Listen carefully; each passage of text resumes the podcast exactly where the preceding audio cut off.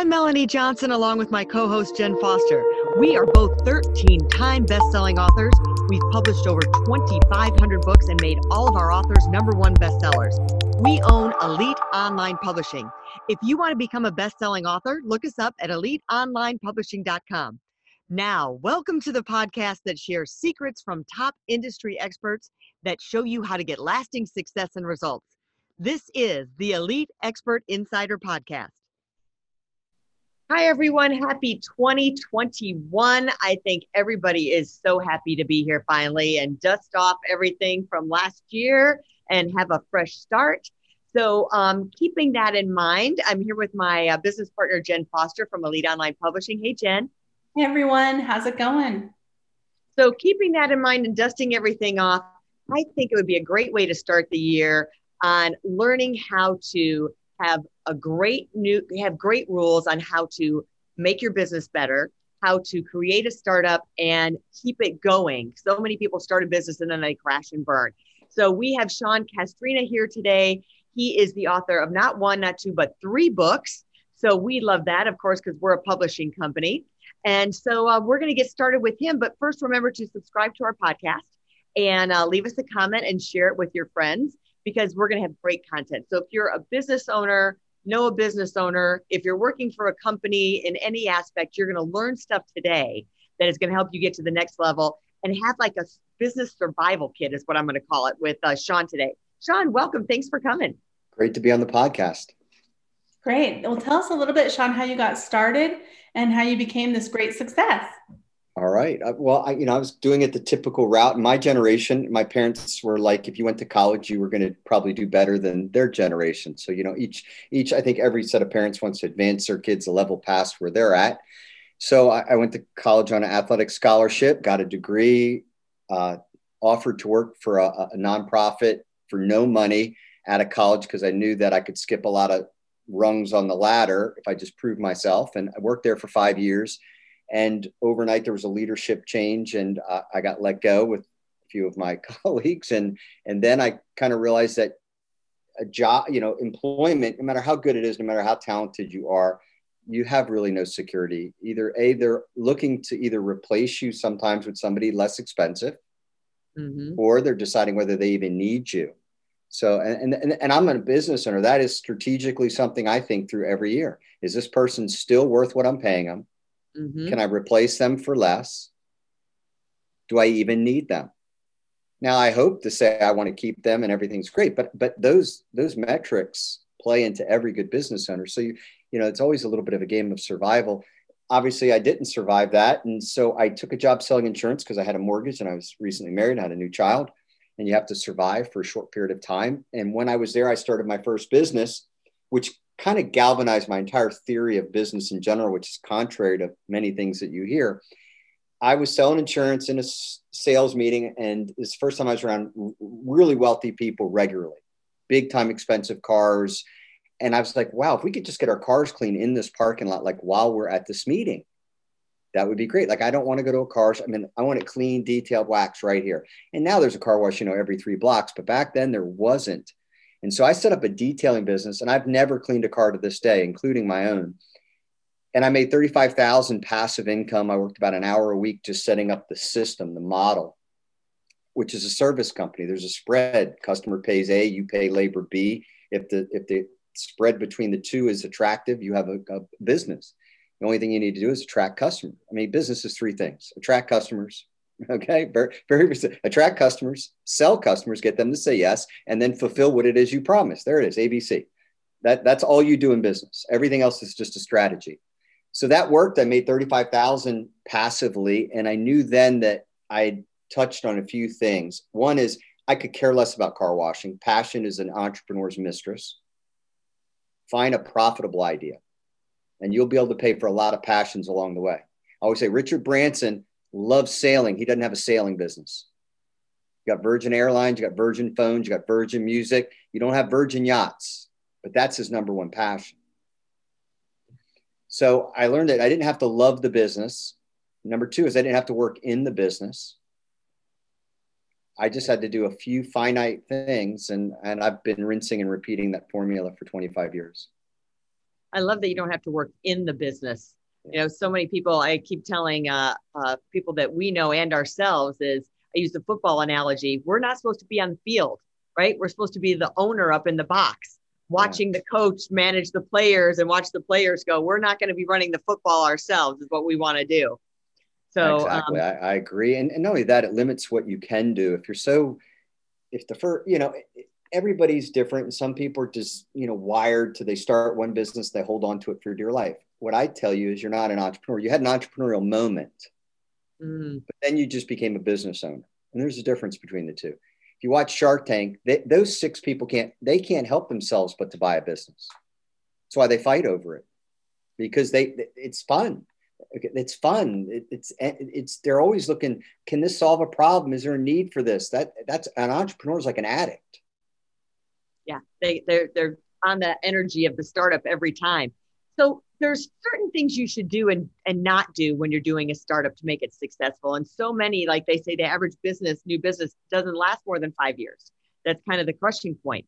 and most end within the first year to three years yeah. So what are some of those walk us through some of those things that we should be doing when we're when we are that serial entrepreneur?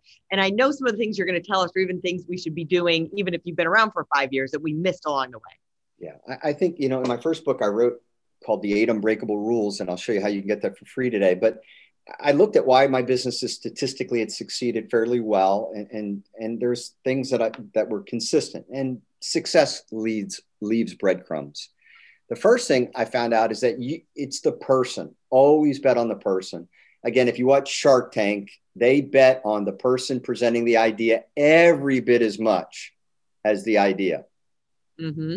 And every time they want 51%, it's because they don't believe in the person. They just want to yank the system out from under them and put it in the hands of somebody who they really believe can do it. But so the first thing is, is just developing the skills that successful people have. Successful people in general have a few things that they consistently do. A, they don't have to be told what to do, when to do it, and how to do it. Okay, they just have that. They, they, they innately take action.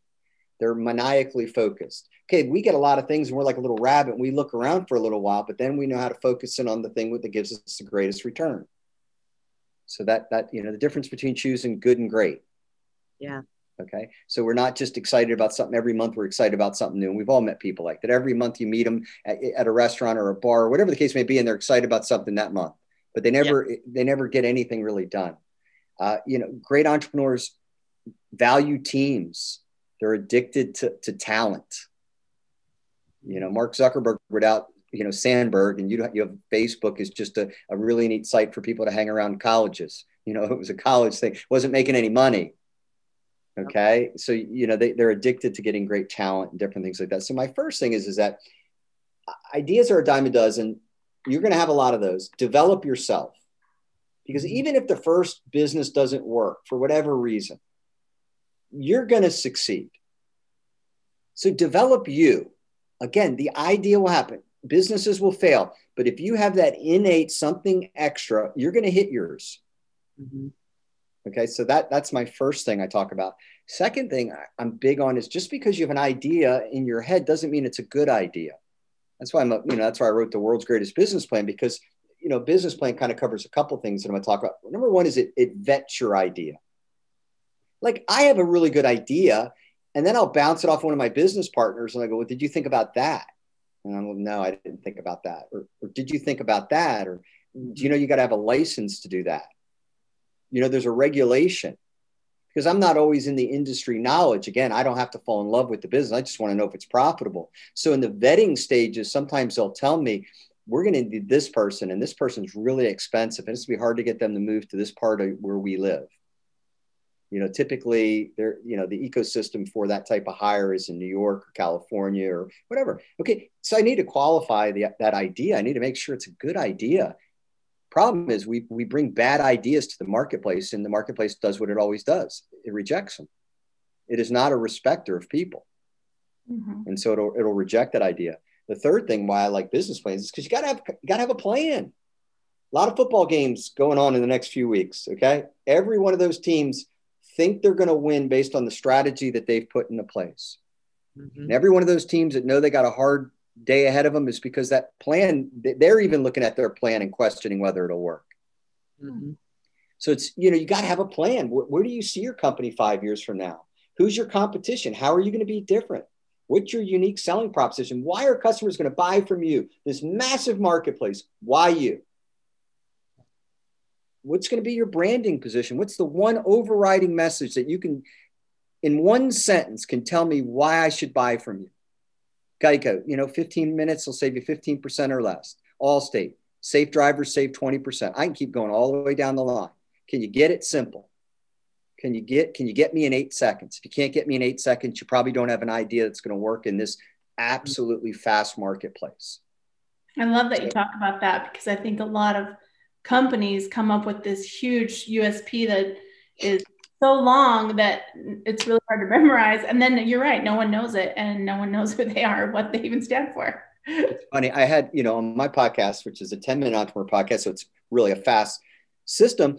I had a, you know, a famous founder on my show and I knew what he did, but I like to start every show with tell me, you know, John, please, could you tell me what your business does? He says it. I said, John, can you tell me what your business does again? Because for an 18 year old, he says it. I said, John, can you tell it to me again for a 12 year old?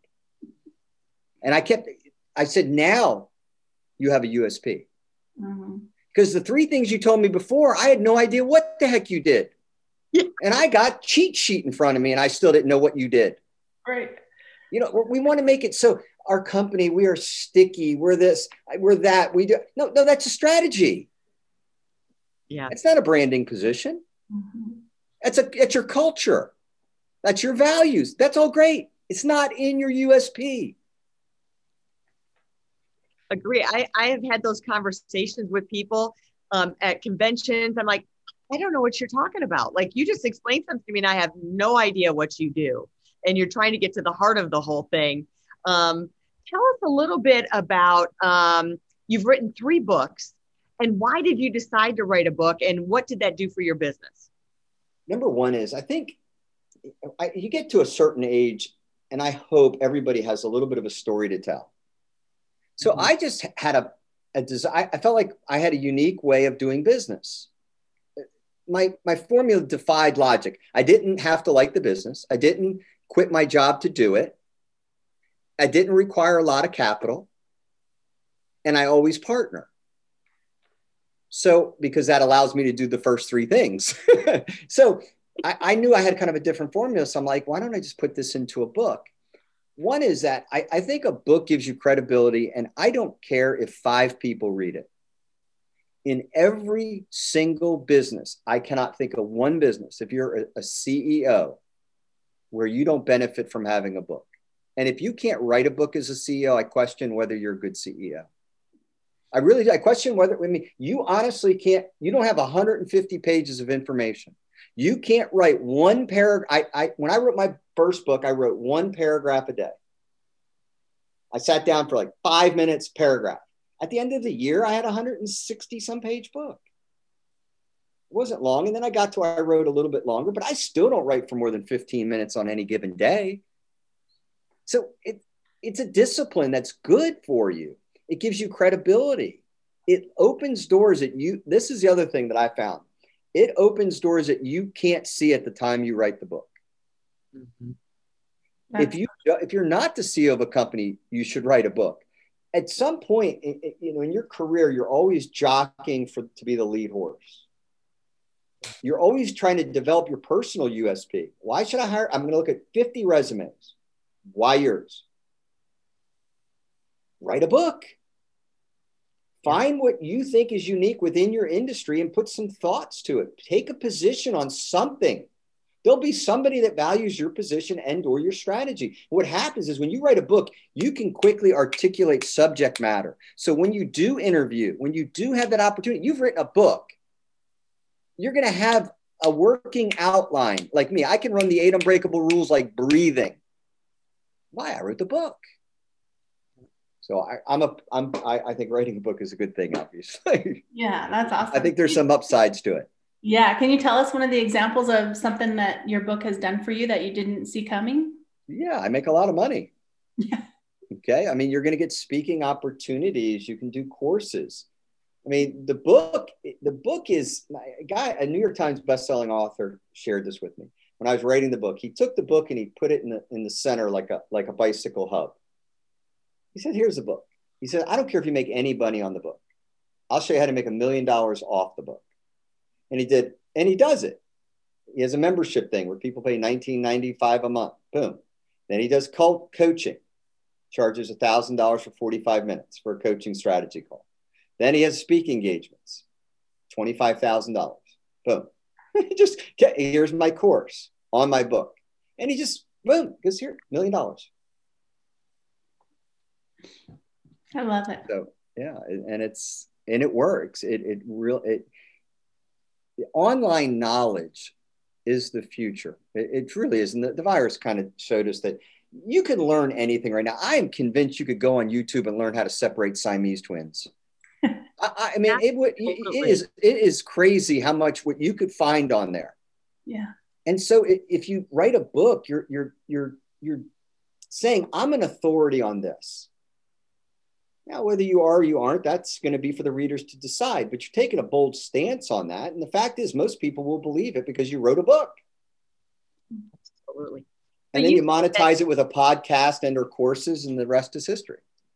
Yeah, there's so many different uh, spokes in that wheel to make money. And we always tell our authors, don't get caught up in the $2.50 for the royalty. It's not about that.